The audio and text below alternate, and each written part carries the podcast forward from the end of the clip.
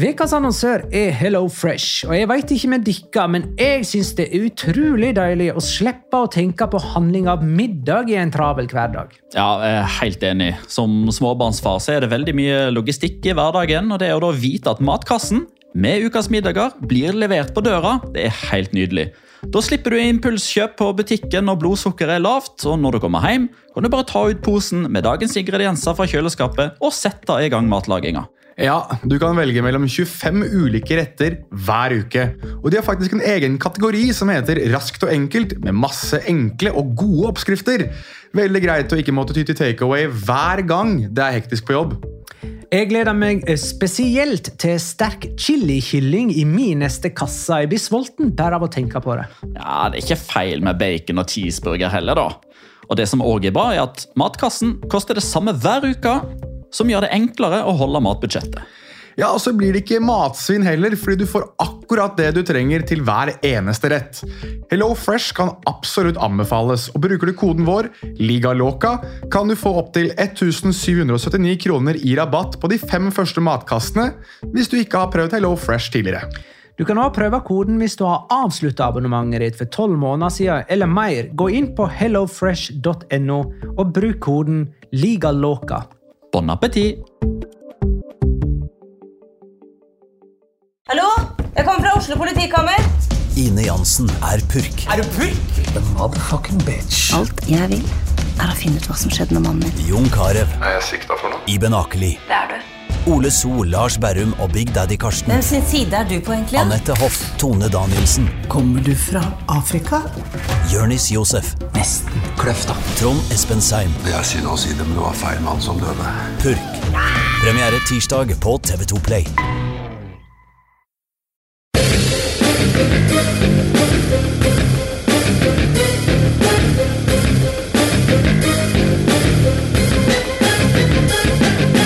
Har du sett? Korona er noe drit. Da tenker jeg spesielt på viruset. Vi går på vegger og fra vettet og innser at fotball ikke er nåtid, men fortid. Vi trøster oss med at det òg er framtid, vi veit bare ikke når. Akkurat nå er fotballen like fengsla som Ronaldinho en plass i Paraguay.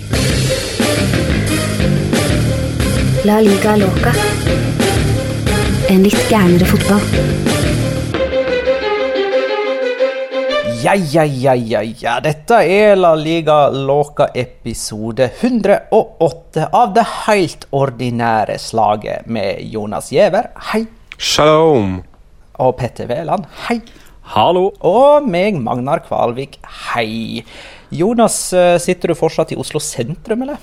Det gjør jeg, vet du. Sultanen sitter i sitt eh, rike og passer på alle sine undersåtter og eh, ja, syke pasienter som går gatelangs. eh, så det er vanskelige tider i riket.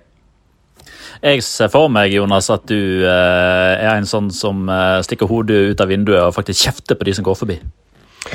Eh, jeg kommer ikke til å kommentere om det stemmer eller ikke. Eh, men det er, det er sikkert jogger, ikke så- Ja, det er vel det er, ikke, det er ikke helt utenkelig at det kan ha vært eh, at i isolasjonens navn så har det vært litt sånn gæren kjerring på bussen-tendenser fra meg. De som vet, de vet hva den referansen der er.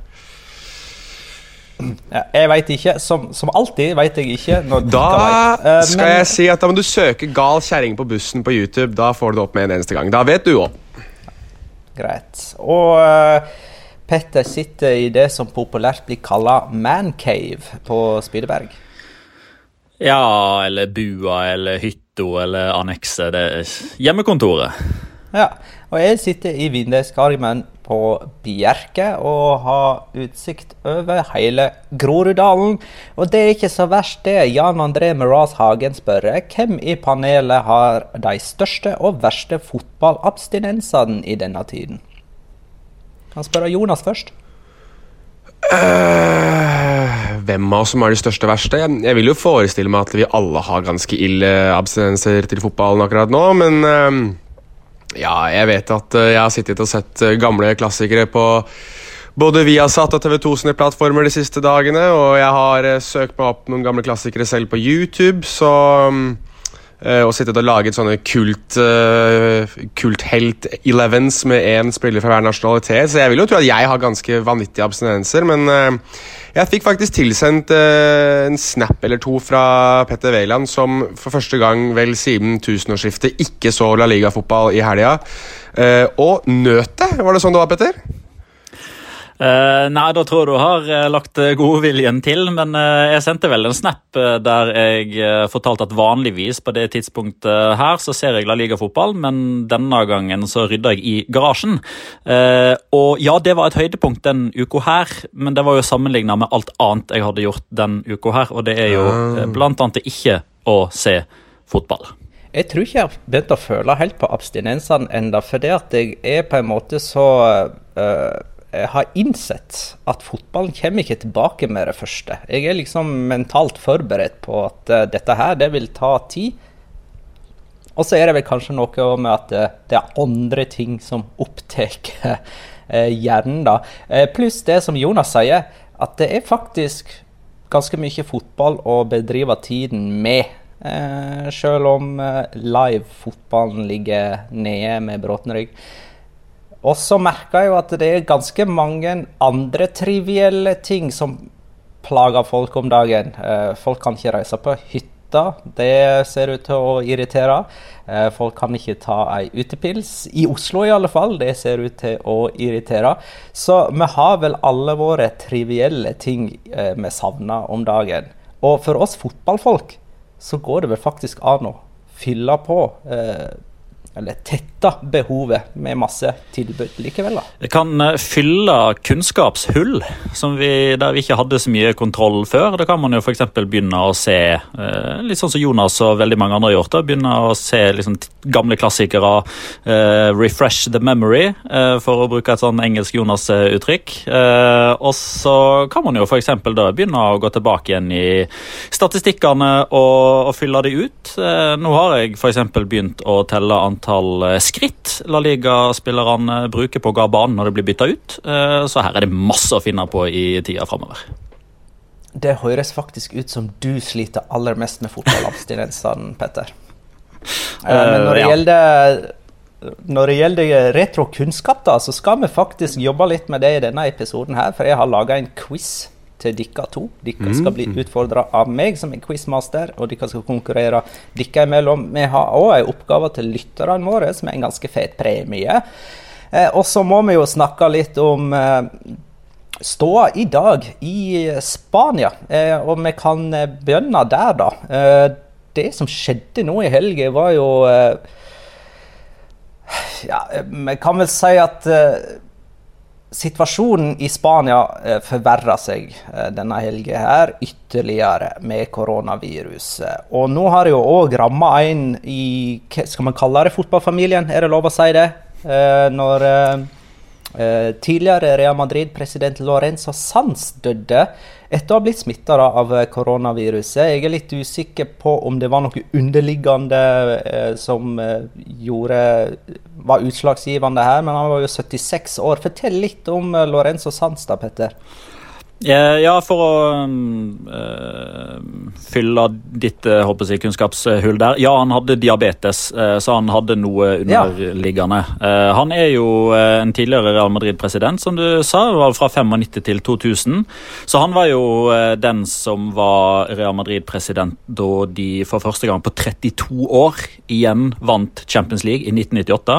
Og de gjorde jo òg det i 2000, altså da de vant den syvende og åttende 13. Champions League-trofeet. Så han er jo på mange måter en av de viktigste figurene i Real Madrids moderne historie, hvis vi drar hvis vi tar 90-tallet og framover som en sånn halvveis moderne fotballhistorie. Eh, og I tillegg så har han jo eh, vært eh, eier av Malaga, der hans sønn Fernando Sanz òg var sterkt involvert. Fernando Sanz som òg har spilt over 200 kamper i La Liga for Eh, for Malaga. Eh, de har vel òg en eh, enda en bror der som hadde en La Liga-kamp for Mallorca på slutten av 90-tallet. Så det er jo noe til fotballfamilie, det òg, sånn apropos bruken av det mm. ordet.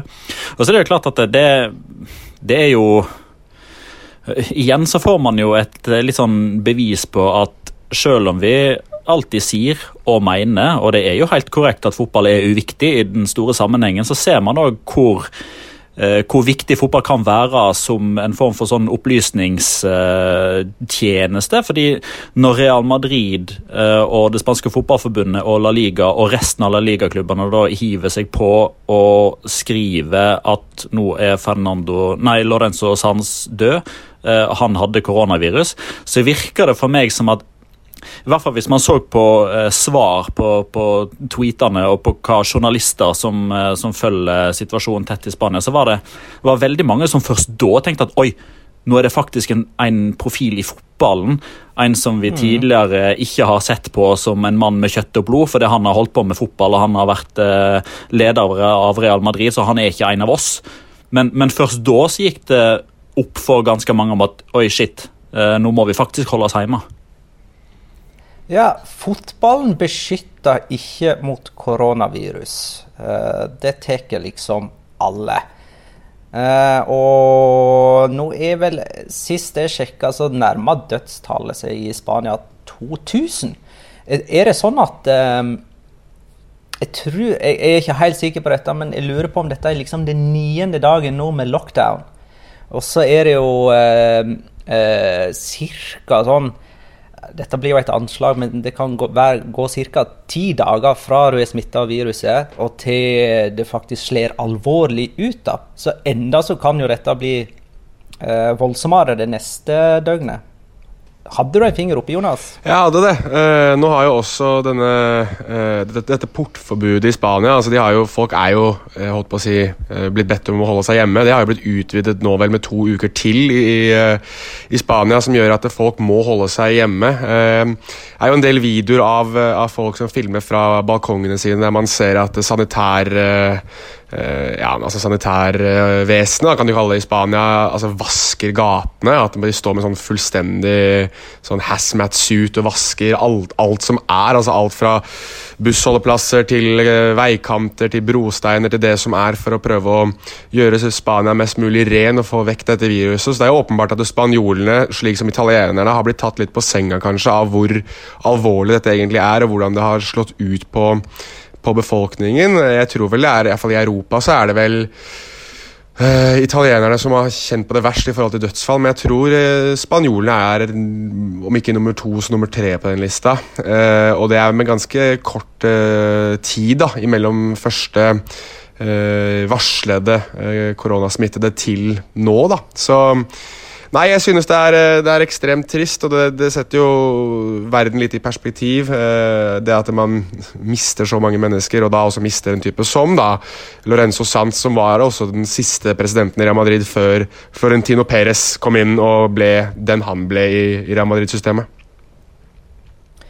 Ok, Vi må lette litt på stemningen. Uh, vi skal jo snakke etter hvert om uh, hvilke konsekvenser dette her får for uh, La Liga, som jo i dag, mandag 23. mars, har kommet med en offisiell uttalelse. Men mens den dagens fotball ligger brakk, så eh, som jeg har vært inne på før, så er det jo muligheter for eh, gode, gamle retrostjerner å skinne. Og en som da trør fram i lyset, det er Ronaldinho.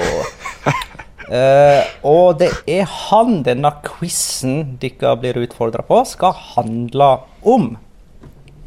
Har du ei hånd oppe, Petter, eller er det Det er for å vise at jeg ikke googler underveis. Ja, riktig. Uh, Jonas har òg eh, ei anna hånd oppe. Uh, jeg stiller ikke hver deres spørsmål. De kan, få, de kan få ikke det samme spørsmålet. sånn at de kan klage på at den andre får lettere spørsmål enn deg sjøl. Mm. Jonas får det første spørsmålet. Ronaldinho hadde bursdag denne helga. Hvor feirer han bursdagen sin? Det, den bursdagen, 40-årsdagen til Ronaldinho, feiret han i et paraguayansk fengsel i hovedstaden Assuncion. Akkurat. Er svaret avgitt? Det er det. Det er helt riktig, Jonas. Fantastisk. Du leder 1-0. Petter, hvorfor i alle dager feirer Ronaldinho eh, bursdagen sin i et fengsel i Paraguay? Det kom jo litt sånn motstridende rapporter eh, om det, da, men eh, noe av det som har blitt eh, beskrevet, er jo bl.a. fake ID, altså passet hans ikke stemmer overens med sånn som det bør være. Det er helt riktig, Petter. Jeg veit ikke hva som er de andre årsakene. Men han skulle altså inn i Paraguay for å være med på en boklansering og diverse arrangement. Eh, og hadde altså med seg angivelig da, et falskt pass, som da har satt han i fengsel. Der han bl.a. er med på noen sånn five-side-turneringer og eter masse kjøtt. Så det i alle fall ut til på et bilde som jeg så. Jonas! Ronaldinho heter jo egentlig Ronaldo til fornavn. Hvorfor ble han hetende Ronaldinho? Altså, den, den uh, altså oversettelsen uh, Ronaldinho er jo lille Ronaldo, så jeg mm. antar jo at han ble gitt Ronaldinho fordi da han slo gjennom, så var det jo en annen Ronaldo, altså han vi kjenner som Ronaldo Fenomeno, som regjerte på verdensbasis. Så jeg antar at uh, da måtte han bli Ronaldinho for at man ikke skulle veksle mellom de to. Eh, du fikk dette spørsmålet du, Jonas, fordi at du er den mest språkkyndige av oss. Eh, så jeg gir deg rett. Det er, Injo er for eh, liten det mm. betyr liten. Men det hadde ikke noe med han andre Ronaldo å gjøre. Det var rett og slett bare det at Ronaldinho spilte fotball med folk som var større og eldre enn han på Løkka, og ble av de kalla Ronaldinho. Men uh, jeg gir deg poeng for den. Hva du vil si? Nei, jeg vil si at uh, Da han spilte på ungdomslandslagene til Brasil, så var han kjent som Ronaldo. Uh, men, ja. men, da han da skulle tre inn på, på landslagene, de eldre landslagene, så måtte de kalle han Ronaldinho for at ikke det skulle bli en liten mix-up der. Ja. Det ja, Du har fått poenget. Takk, takk. Petter. Petter, nevn ja. de europeiske klubbene Ronaldinho spilte for. Oi um, Han var jo i PSG, og så var han i Barcelona, og så var han i Milan. Var han i flere? Det var han sikkert. Nei, jeg svarer de tre, jeg. Det er helt riktig, Petter. Poeng til deg òg. Siste spørsmål i denne runden. Vi kommer jo tilbake til denne quizen senere i episoden. Jonas. Ronaldinho vant Ballon d'Or i 2005. Den eneste gangen han fikk den utmerkelsen. Nevn en av de to andre som havna på topp tre. Kan si de begge to, jeg, faktisk. Det er vel eh, Thierry Henry og Frank Lampard, hvis jeg ikke husker helt feil. Svar avgitt. Det er det. Du får riktig, siden jeg ba om bare én av eh, de to. Eh, det var ikke Thierry Henry, Nei. men Steven Gerrard. Steven Gerrard. Men uh, Frank Lampard ble nummer to. Ah, ok. Mm. Så sterkt levert, Jonas. Mm, Petter, Ronaldinho kom til Barcelona i 2003 og skåra sitt første Barcelona-mål under spesielle omstendigheter som passa han ypperlig. Hva var de spesielle omstendighetene? Um, det mener jeg vi har snakka om i poden før. Var ikke det den eh, kampen som starta rett etter midnatt? Altså at kampen, kampen, gikk på natta, og det passer Ronaldinho bra. Da ble han matchvinner. Det passer det passa Ronaldinho bra. Han skåra utligningsmålet for Barcelona klokka halv to på natta. Det ble 1-1 mot Sevilla. Sevilla. Riktig. Det er tre poeng til begge deltakere etter første runde av denne quizen. Um, og vi avslutter denne første runden av denne quizen med å involvere våre lyttere i en quiz. For vi har eh, en eh, konkurranse til dem med eh, ei Real Sociedad-drakt med Martin Ødegaards signatur som premie. Det lytterne våre skal bli utsatt for, er en rebus eh, som de får i tre deler. Den første delen av rebusen er bibelsk person. De vil få altså tre deler av denne rebusen spredt rundt i episoden, og vi skal komme fram til en aktiv La Liga-spiller. Første del av rebusen er bibelsk person. Vi kommer tilbake til mer etterpå. Men nå skal vi snakke om det som eh, kom i dag, da. fra La Liga. Og hva var det? La oss, du kan ta det du, Petter. Eh, nei, Det som kom i dag, var vel bare en, eh, en formalitet. Eh, fordi fram til nå så har jo La Liga bare utsatt to serierunder. Så lenge de tiltakene som var iverksatt fra regjeringen i Spania var iverksatt, så kom La Liga til å innrette seg etter det. Men de strenge reglene som vel ble stramma ytterligere til av statsminister Pedro Sánchez nå i helga, gjør jo da at La Liga og det spanske fotballforbundet innretter seg etter det, og har nå endra, kall det jeg, status på Facebook da, fra, fra utsatt i to serierunder til utsatt inntil videre, fram til myndighetene sier at det ikke lenger er noen helserisiko forbundet med å spille fotball. Så da er det uh, rett og slett utsatt på, ubestemt, ja, på ubestemt tid. Ja, altså... Hvordan ligger vi an med tanke på målet om å komme gjennom sesongen? Nei, Jeg syns jo, sett utenfra, så virker jo det mer og mer sannsynlig at eh, jeg, alle kluter settes til for å fullføre denne sesongen for at Eh, jeg alt, alt slitet, alt blodet, alle tårene og alle setteperlene som har kommet til nå denne sesongen, ikke skal være forgjeves. Og at man heller ser for seg at det er neste sesong som eventuelt ikke blir på 38 kamper. At man eh, ja. heller setter fantasien til neste sesong for å finne ut hvordan fullfører man på en mest jevn og rettferdig måte en sesong som kanskje starter i oktober, kanskje november, og som må være ferdig eh, innen slutten av mai fordi EM 2020 blir spilt i 2021. Eh, så, for at, for, at, Liverpool skal kunne få sitt fortjente seriegull i England, eh, for at uh, Retafe, for at et helt annet vilkårlig eksempel, da, ikke skal miste muligheten til å få en historisk Champions League-plassering. Nå ser jeg at du smiler veldig skjevt, Magnar, men sånn er det faktisk. og for å unngå urettferdighet for noe som allerede har, jeg håper å si, som har foregått gått over 27 sesonger, da, eller 27 seriekamper i, i Spania. og uh, Atletico Madrid, som har vunnet både hjemme og borte mot Liverpool, de skal få lov til å spille en kvartfinale i Champions League i stedet for at man uh, nuller hele greia eller avslutter sesongen akkurat sånn som det er nå. For som vi var inne på for en uke siden, det hadde blitt urettferdig for noen, uansett hvordan man hadde gjort det.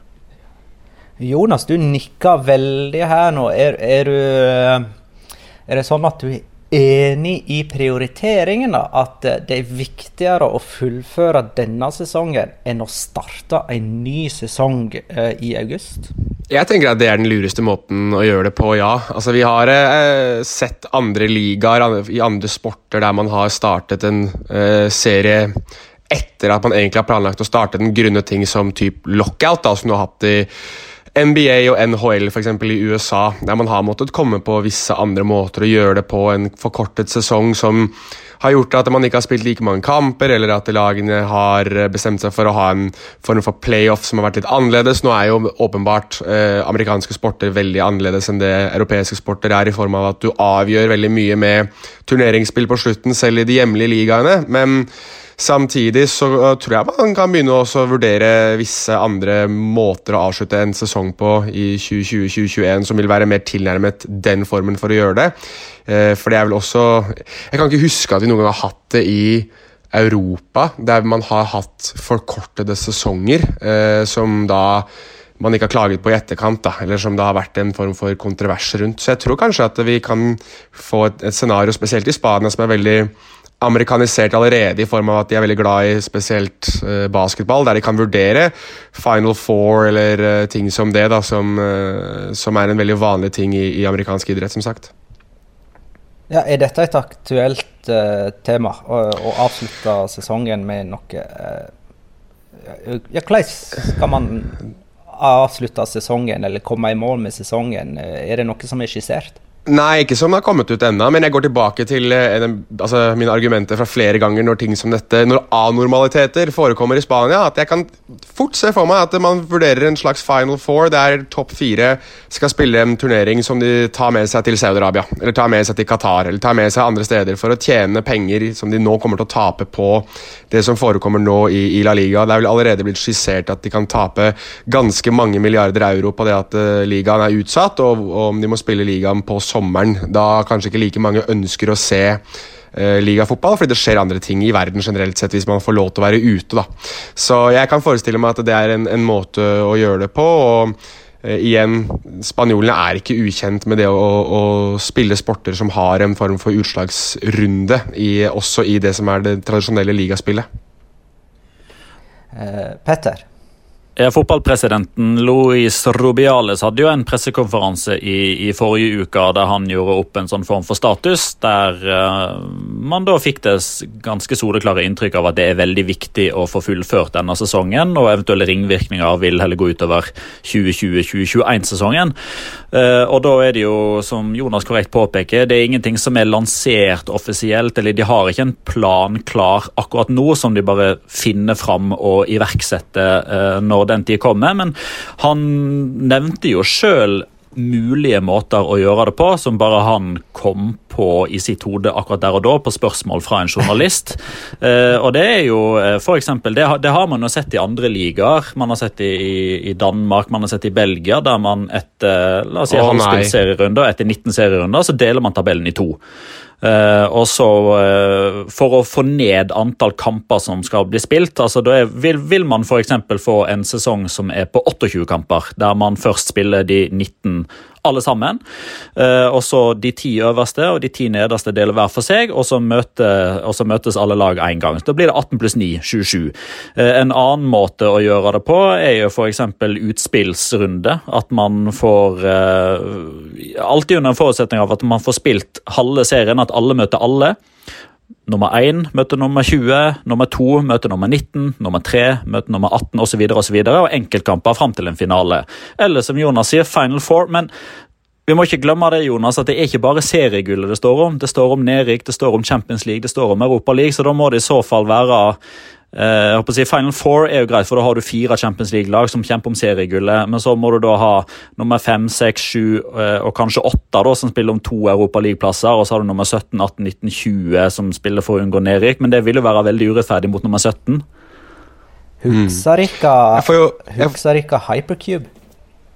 Sier det. Ja, det, var det Navnet kom jeg ikke på, men eh, det var vel noe sånn nederlandsk eller belgisk ja. Eh, forslag. Det var de som foreslo en struktur på Eliteserien som ble ganske heftig kritisert, men da altså med sånn sluttspillopplegg. Det er jo bare noen få år siden. Men, men det var jo som en sånn standardgreie. Hæ? Ja, ja, ja. Hva du sa Petter? Bare for å eh, si jeg ikke hørte. Ja, men altså, Grunnen til at det ble jeg håper jeg, hugd, var jo at det skulle jo bli normalen.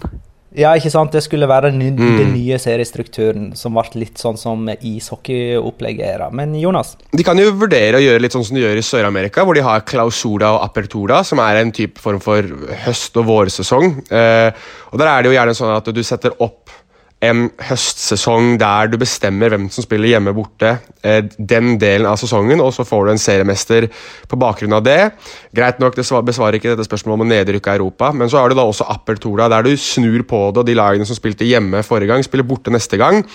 Og så setter du det sammen til syvende og sist, og det er da eh, Da har du en en høstmester, en vårmester, som møtes for å bestemme seg for hvem som er landets eh, sammenlagte mester for det året. Samtidig som du da også eh, setter sammen de to eh, partene og bestemmer da hvilket lag som har rykket ned, hvilket lag som når Europa osv. Dette er måten de gjør det på i, i Latin-Amerika, med vekslende hell. Det har fungert veldig godt i visse land. I Argentina så har de nylig for eksempel, bestemt seg for å gjøre om på eh, ligasystemet for vel tredje gang på fem år, eller noe sånt, tror jeg. Så det, Men, det er jo en måte å vurdere det på for en gangs skyld. Men gikk ikke nå, nå, sporer vi litt av her, men gikk ikke det nedrykkssystemet utover en sånn eh, gjennomsnittspoengsum de siste fem sesongene? eller noe sånt? Jo, det var jo det gamle systemet som de nå har endret på to ganger. Var det, jo, det var jo det man kalte for det systemet som skulle forsvare de store lagene. At Boca Juniors og River Plate kunne for ikke rykke ned hvis de hadde hatt si et uår, da, som man gjerne har i argentinsk fotball, der du kanskje ikke har fått ting til å stemme. Så skulle du da Greit nok at du endte på 20.-plass den sesongen der, men hvis du ender på 6.-plass året etter, så vil du da sammenlagt ha endt på 13.-plass, som betyr at du ikke rykker ned likevel. Selv om f.eks. Altovisi eller Gimnasia de la Plata for eksempel, har endt på 19, 18 og 12, da, og da rykker ned på bakgrunn av det. Så du kan på en måte ende på 12.-plass den tredje sesongen og fortsatt rykke ned. Det er sånn Argentina har operert med for å beskytte de virkelig store lagene. Eh, skal vi bare konkludere med at eh, denne La Liga-sesongen her kommer til å bli fullført på et eller annet vis? Og så kan det heller gå ut over neste sesong, sånn at man før neste sesong sparker i gang, veit hva reglene er, i stedet for at man kutter denne sesongen uten at man visste det før sesongen var sparka i gang. Ja, og jeg må jo si at eh, hvis vi skal prøve å finne det positive i dette her, da. Eh, og nå eh, ønsker jeg ikke å hisse eh, på meg verken Barcelona eller Real Madrid eller Atletico Madrid-supporterne, som jo i utgangspunktet er de tre, kanskje to, tre eneste reelle tittelutfordrerne. Dette øker jo sjansen for at man skal få en underdog. Altså Vi har hatt i, i langt større grad, det sier seg sjøl, uh, over 19 kamper så er det større sjanse for å håper jeg, holde koken uh, sammen med de to-tre store. Altså Sevilla har jo vært uh, serieleder langt ut i sesongen, det samme har Valencia gjort. så det øker jo sjansen da for at man kan få såkalte overraskelser, fordi ut ifra en sånn normal situasjon så vil alle lag ha færre kamper å hente inn det tapte igjen på. Pet Jonas. Aller siste, aller siste innspillet mitt her er jo at de kan jo vurdere å få han der Iba Janos til å sette opp en sånn ny EA Sports Fifa-turnering, eh, og vinneren der er da eh, vinneren av hele opplegget. For det er jo det de må holde på med nå, hvor de faktisk har hatt La Liga-spillere representere de ulike klubbene i La Liga for å finne ut hvem som er best i Fifa. Og eh, overraskende, ikke overraskende nok, Real Madrid vant der òg. Så Marco Ascencio ledet Real Madrid til seriegull i, i Fifa.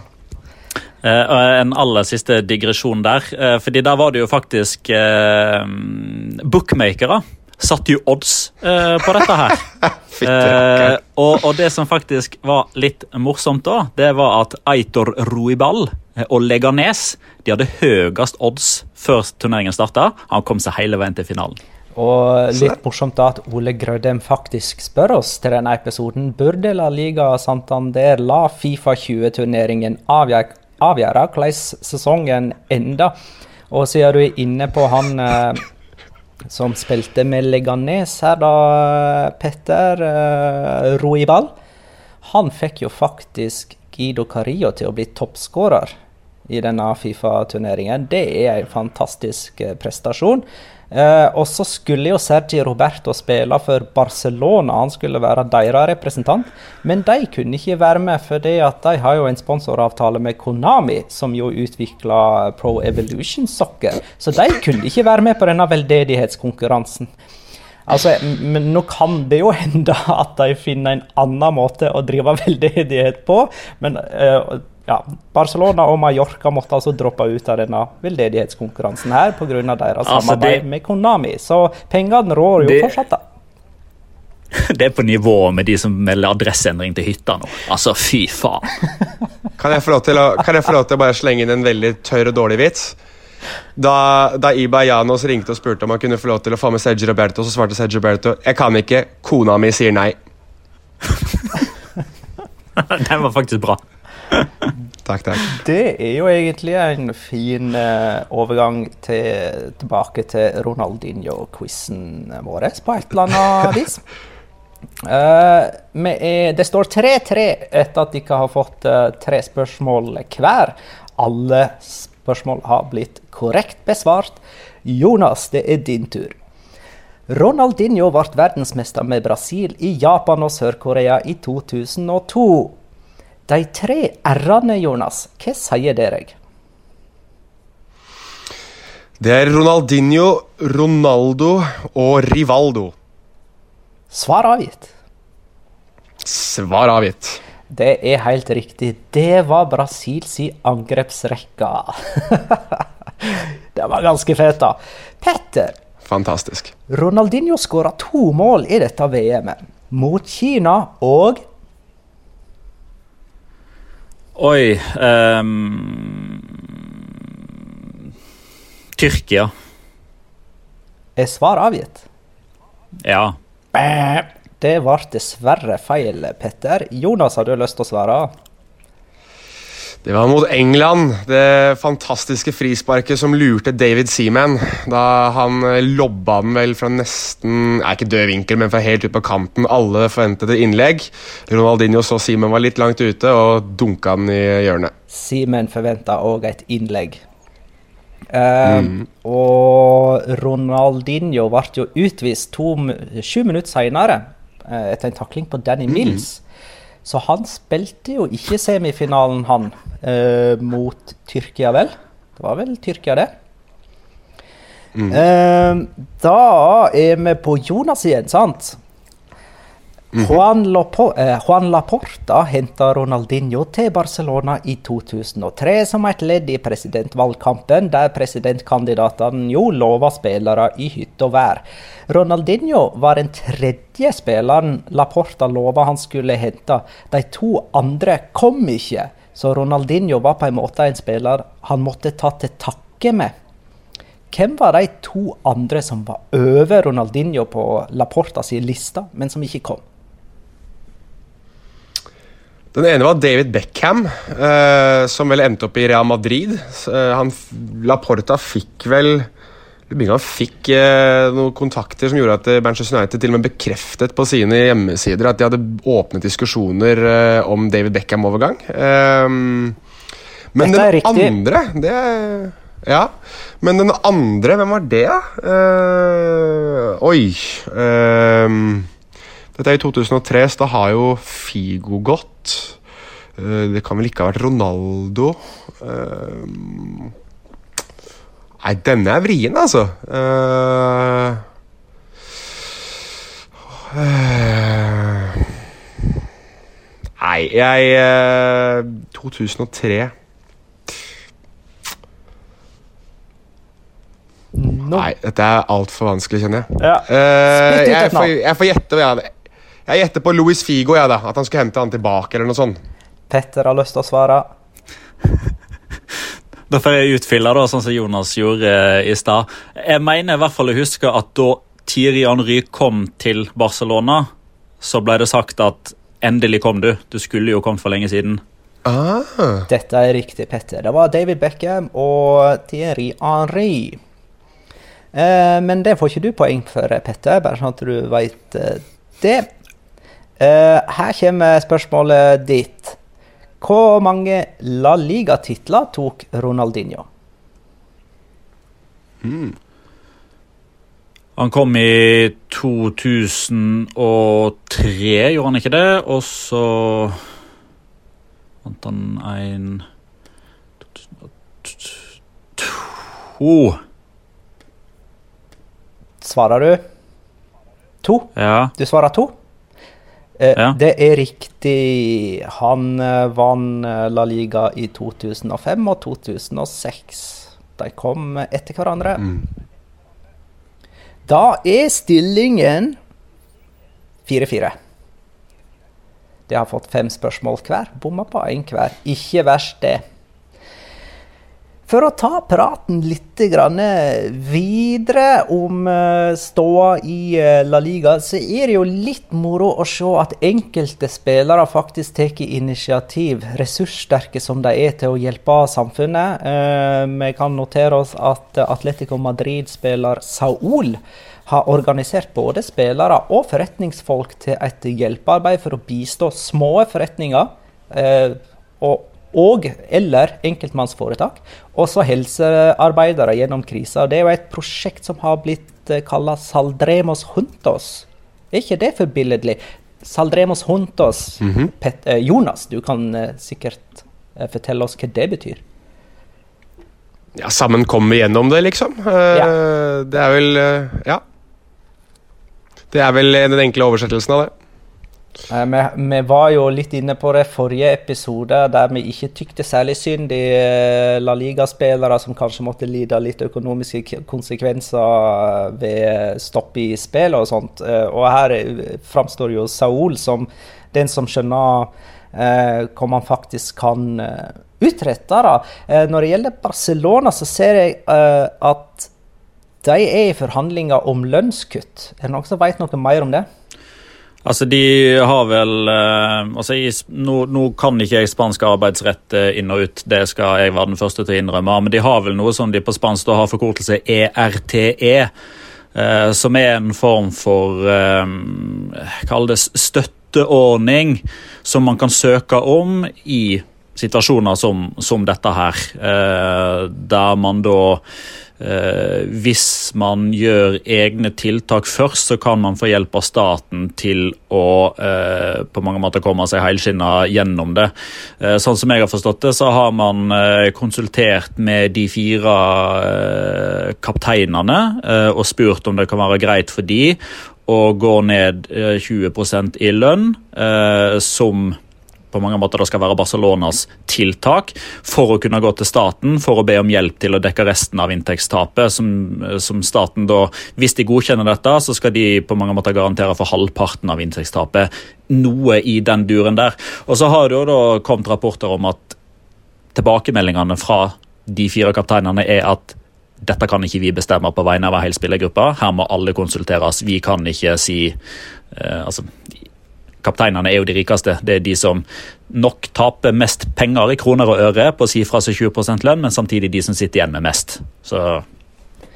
Men her er jeg litt på dypt vann, kjenner jeg. Jo, eh, og jeg tillater meg jo å spekulere litt. da, Ettersom, altså det, det, første som slo meg når jeg liksom fikk denne nyheten, var at var, altså Barcelona var den første klubben som måtte ty til dette eh, grepet her da, med lønnskutt i alle fall sånn i offentligheten. Eh, og det virker litt sånn snodig, eh, for det, det må jo være en ganske rik klubb. Men samtidig så er vel det en sånn type klubb som for det første har enorme, enorme utgifter. Og for det andre er avhengig av at de blir dekka av konstant inntekt fra veldig mange forskjellige selskap som nå sliter. Eh, sånn at eh, Eh, klubber med enorme utgifter og med mange avtaler og, um, om inntekter uh, fort, kanskje naturlig, er de første som må lide. Petter? Ja, og så har vi jo òg sett gjentatte rapporter eh, fra de som jobber med fotballøkonomi, det være seg Swiss Rambles eller Forbes eller disse andre, Deloitte eller, de selskapene her. De peker jo veldig ofte på Barcelona som den klubben som bruker mest i prosent av sine inntekter på lønn.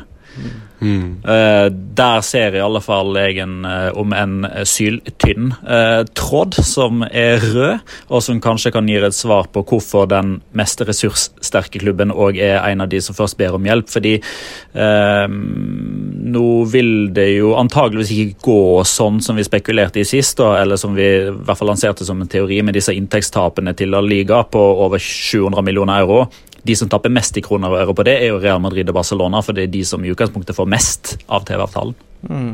Jonas? Det jeg lurer litt på, er jo om uh, altså disse uh, det økonomiske tapet som skjer på verdensbasis, altså ikke bare i La Liga, men i andre ligaer også, gjør at vi kommer til å se en eh, resesjon i forhold til hvor mye penger som blir benyttet på et overgangsvindu. Altså Om vi nå må resette ting litt, at disse summene på 100 og 200 millioner euro ikke nødvendigvis blir eh, vanesaken som man har sett Eh, de siste to-tre årene. At vi går tilbake til en kall det, nå sier jeg dette i, gåstegn, en litt mer sunnere form for eh, overgangspolitikk. i Det at man ikke kan smelle 222 millioner euro på bordet og hente Neymar for eksempel, da, uten at det betyr stort mer annet enn det.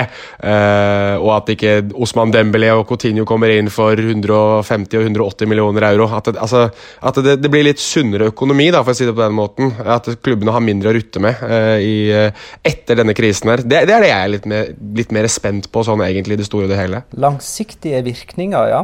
Eh, men på tross av eh, disse spekulasjonene i lønnskutta, så går jo òg spekulasjonene i Neymar-overgang, som eh, Jonas er inne Nettopp. på. Og det er faktisk ganske mange som spør oss om akkurat det. Eh, og jeg syns det er kjempevanskelig å sitte og spekulere i overganger uh, verken den ene eller andre retning i disse tider. Er det noe vi skal ta på oss? Eh, jeg, jeg, kan jo fortelle en historie fra, min, fra, mitt virke, fra det jeg jobber med, som har litt med dette å gjøre. Jeg har jo uh, skrive, Jeg er jo journalist, som folk vet, og skulle skrive en sak om en, om en spiller som uh, var veldig forbannet over at han ikke har fått den overgangen han ønsket. og Da snakket jeg med en sportsleder om dette, og han var nesten virket litt indignert på meg for at jeg stilte han spørsmålet rundt overganger nå i disse tider der det er større og vanskeligere ting å tenke på enn hvorvidt en spiller uh, blir solgt eller ikke. Og eh, Nå var jo det mitt arbeid å finne ut i akkurat denne overgangen, men jeg synes jo i, i retrospekt at han har et form for poeng. At det er vel kanskje ikke det som burde stå øverst på agendaen til klubber akkurat nå, men samtidig så er, eh, er det en fotballverden som skal bevege seg videre, og spillere som ønsker å bevege på seg. og Jeg tror ikke Neymar er noe mindre fysen på en overgang fra Paris eh, nå etter koronakrisen enn han var før koronakrisen, og da var han jo nesten helt desperat. Så eh, at det spekuleres og at det diskuteres i, i, øst og i vest, det synes jeg er litt fint. Og så synes jeg, jeg som er veldig glad i overganger og glad i spekulasjoner, synes det er litt kult å ha det som en form for avledningsmanøver for all djevelskapen som foregår utenfor eh, disse fire veggene her. Uh, er det sånn uh, Syns du så noen spekulasjoner i eller vurderinger om uh, Financial Fair Play og det budsjettåret som vi, vi er inne i, om ikke det blir forlenga eller rett og slett bare stråket for dette året her? Er det noen som veit? Nei, jeg veit ikke, men, men, det er jo noen av de utenomsportslige ringvirkningene man får. Altså, eh, hva skjer med de spillerne som i utgangspunktet eh, kan gå vederlagsfritt til andre klubber 1.7? Eh, sannsynligvis så vil inneværende sesong være i full gang. Mm. og ikke ferdig innen den tid. Det kan man nesten garantere.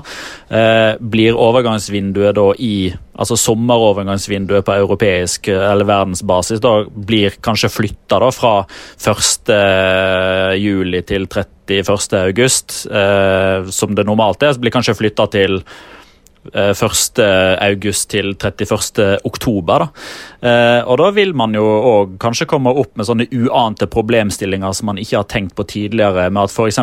det første kontraktsåret La, la oss si at um, Valencia eh, ser seg lei av uh, Diakaby og Mangala, så de kjøper en eh, annen midtstopper. Aridane, f.eks., fra Osasona. De signerer han 29.10, og så skriver de en X-årskontrakt. La oss si de signerer han for fire sesonger. Men da vil jo det første kontraktsåret bare være åtte-ni måneder. Mm.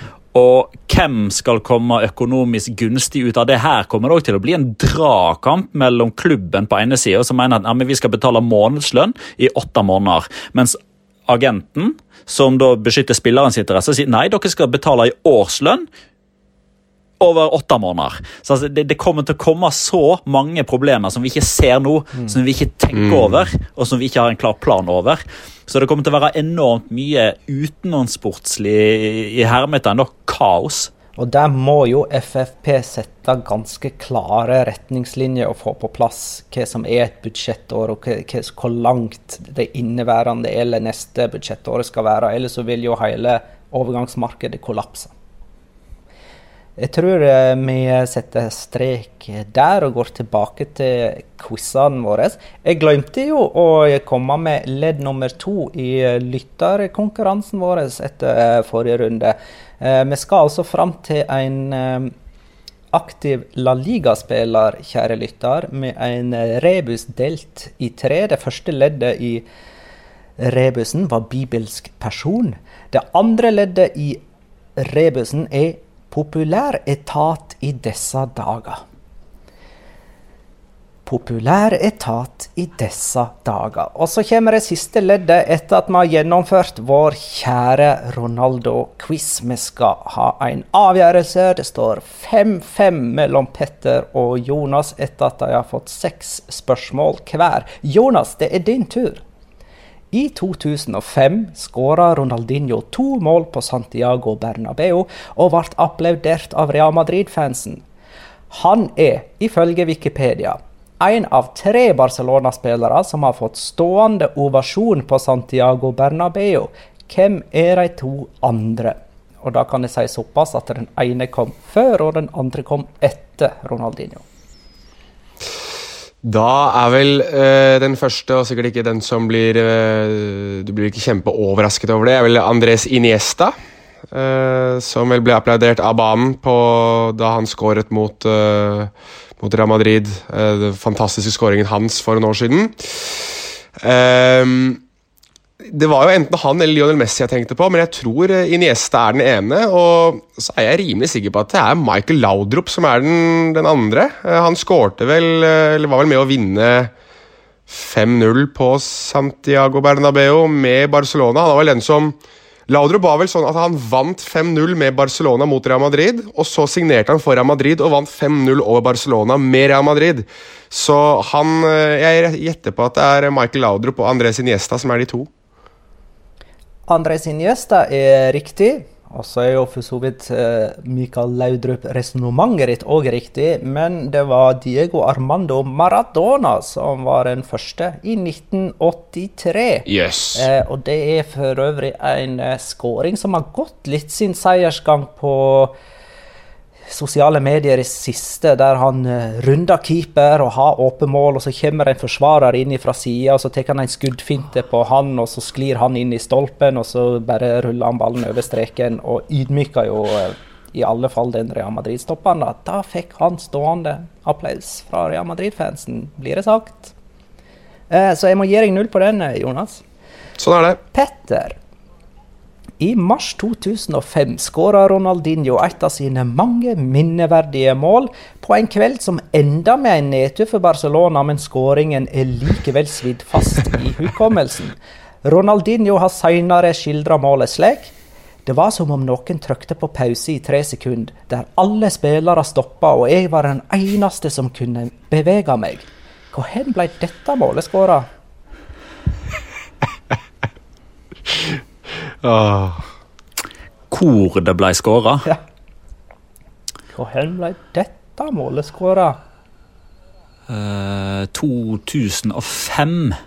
Det er mye 2005 her. Storåret. Da var han jo på sin høyde.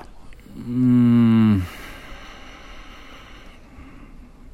2005. Men, de, men det ble allikevel en dårlig opplevelse, sa du? Mm.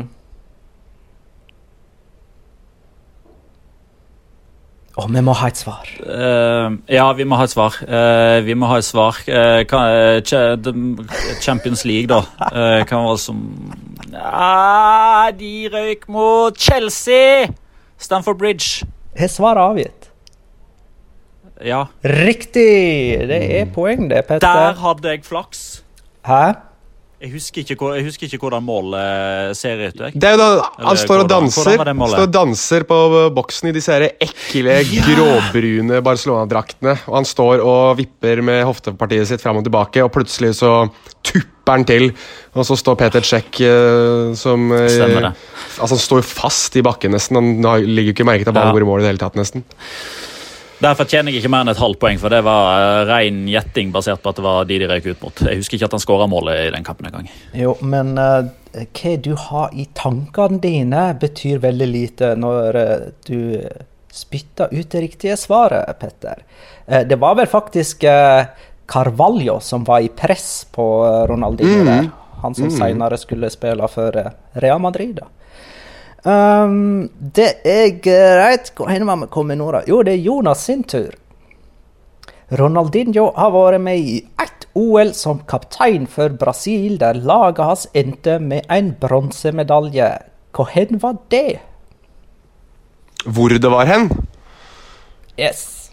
Uh, oi Ehm, Den er ekstremt vrien. Jeg sier Beijing, jeg, da. Svar avgitt. Ja, svaret er Ja, avgitt. Og det er ja. korrekt, eh, Jonas. Fantastisk levert. Jeg er imponert. Da er det likt, og Petter har igjen et spørsmål. Vi skal til 2005 igjen, tror jeg eller ei. Da var Ronaldinho med i en filmsnutt som ble den første på YouTube som fikk over én millioner seere. Kan du, Petter, så kort og effektivt som mulig beskrive denne filmen? I 2005 mm. Det kan jeg. Uh, altså, nå Dette må jo enten være noe sånn uh, Jo, det er den der Er det er den um, Nike på flyplassen? Der det brasilianske landslaget driver og spiller ball seg imellom. Uh, ja, det er kort og greit. Er svaret avgitt? Ja. Det er dessverre feil. Jonas? Er det den eh, videoen der Ronaldinho får nye sko og står og banker ballen i tverleggeren gang etter gang etter gang, og alle trodde det var ekte, men så ble det vist i etterkant at det faktisk bare var filmtriks? Det er riktig, Jonas. Han, får et, han sitter på ei bane, ei treningsbane, får et par sko Eh, Bønder tester skoene med å trikse ballen, gå mot 16 meter og stille seg sånn ca. på 18 meter. Fyre ballen i tverrlegger og få ballen tilbake uten at han er i bakken, og gjentar dette to ganger. Og dette er jo da gjort filma på en måte som en sånn heimevideokamera, så det ser ekte ut, men det er fiksa som bare det. Eh, og eh, det blir en Nike-reklame, da, selvfølgelig. Og det er på en måte den første videoen jeg kjenner til som går mm. viralt. For dette var ikke et kjent begrep i 2005. OK, da går vi òg eh, Skal jeg si sluttresultatet her? Det skal jeg. 6-6. Bra jobba, gutter. Eh, imponerende. Hey. Bra. Takk for kampen. Vær så god for kampen. Jo, uh, rebusen vår der vi skal fram til en eh, aktiv La Liga-spiller. Uh, første ledd i rebusen er bibelsk person. Andre ledd i, i uh, rebusen er populær etat i disse dager. Og det tredje og siste ledd i rebusen er spansk avis. Hvis du klarer og tolke disse hintene her og sette dem sammen til et uh, navn på en aktiv La Liga-spiller, så svar gjerne på tweeten til denne episoden. La Liga Loca vil jo legge ut en tweet om at denne episoden er ute. Legg det ut som svar der. Eller uh, på Facebook, for vi legger jo ut Facebook-post òg, ikke sant, uh, Jonas? Uh, vært veldig dårlig på det den siste tida, men jeg kan godt gjøre det denne gangen her, slik at vi uh, får svar der også. Så bra. Og vi trekker altså en vinner som uh, får ei Real Sociedad-drakt med 21 Ødegaard på ryggen og hans signatur. Dette er ei drakt i størrelse M. Og det er nok ei, den har ei gutteform. Sånn er det. Vi har bare ei drakt å levere ut, så man kan ikke velge og vrake i form og størrelse. Har du lyst til å si noe, Petter? Uh, ja, jeg lurer på hvor er det Abraham Etatmarka spiller hen? En gang til. Abraham Etatmarka. Hvor er det han spiller? Han spiller i Leganes. Ah. På reservelaget deres. Jo, men eh, er det Jeg tror det er du, Jonas, som skal kåre rundens spiller.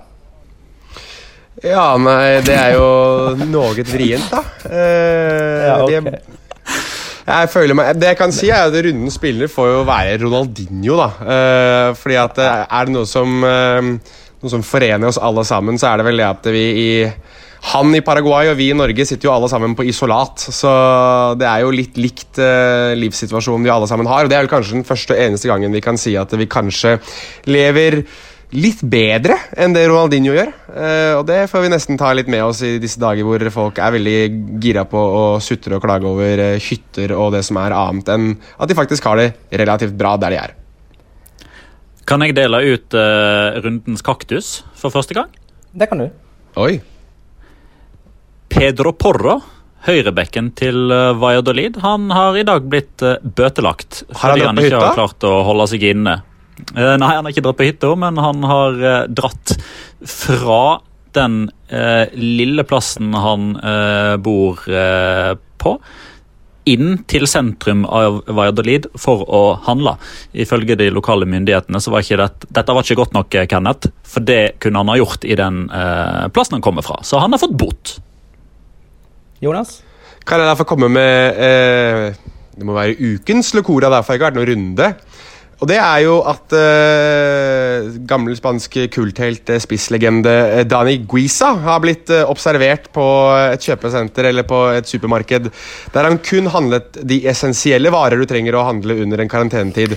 Det var vel typ fire eller fem sexpack med øl. Så Dani Guisa må jo være da både Locora og egentlig kanskje også han som oppsummerer litt hva vi alle sammen føler disse, disse koronatider. Det var ikke korona han kjøpte, for øvrig. Det var vel Cruz Campo, tror jeg. Ja, uh, lurt valg. Uh, men ingen dasspapir, altså. Nei. Uh, og tippekonkurransen vår står jo ganske stille òg. Forrige kamp var Sevilla Real Betis. Den endte jo egentlig 5-6, da. det var det ingen av oss som hadde. men vi håper jo at vi på et eller annet tidspunkt får ta opp igjen den. Nei, men greit, da runder vi av, og så er vi tilbake i alle fall neste mandag. Det er vi. Med en ny episode. Og det blir vel kanskje uh, samme form som i dag. Uh, mulig mer intern konkurranse, quiz-aktig ting. Det er, kanskje verdt, det er kanskje verdt å ta med det at uh, vi har fortsatt ikke fått noe uh, nyhet vedrørende dette liveshowet vi skal spille i mai. Det er jo ikke noen oppdatering der for de som har lurt på det, eller ikke lurt på det. Så får du iallfall vite det nå. At vi vet egentlig ikke noe særlig mer enn resten heller. Vi avventer. Det gjør vi. Tusen takk for alle spørsmål og innspill. Tusen takk for at du lytta, kjære lytter. Ha det, da.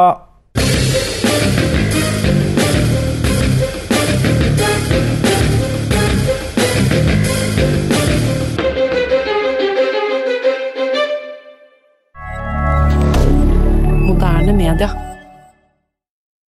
Har du et enkeltpersonforetak eller en liten bedrift? Da er du sikkert lei av å høre meg snakke om hvor enkelt det er med kvitteringer og bilag i fiken, så vi eh, gir oss her, vi.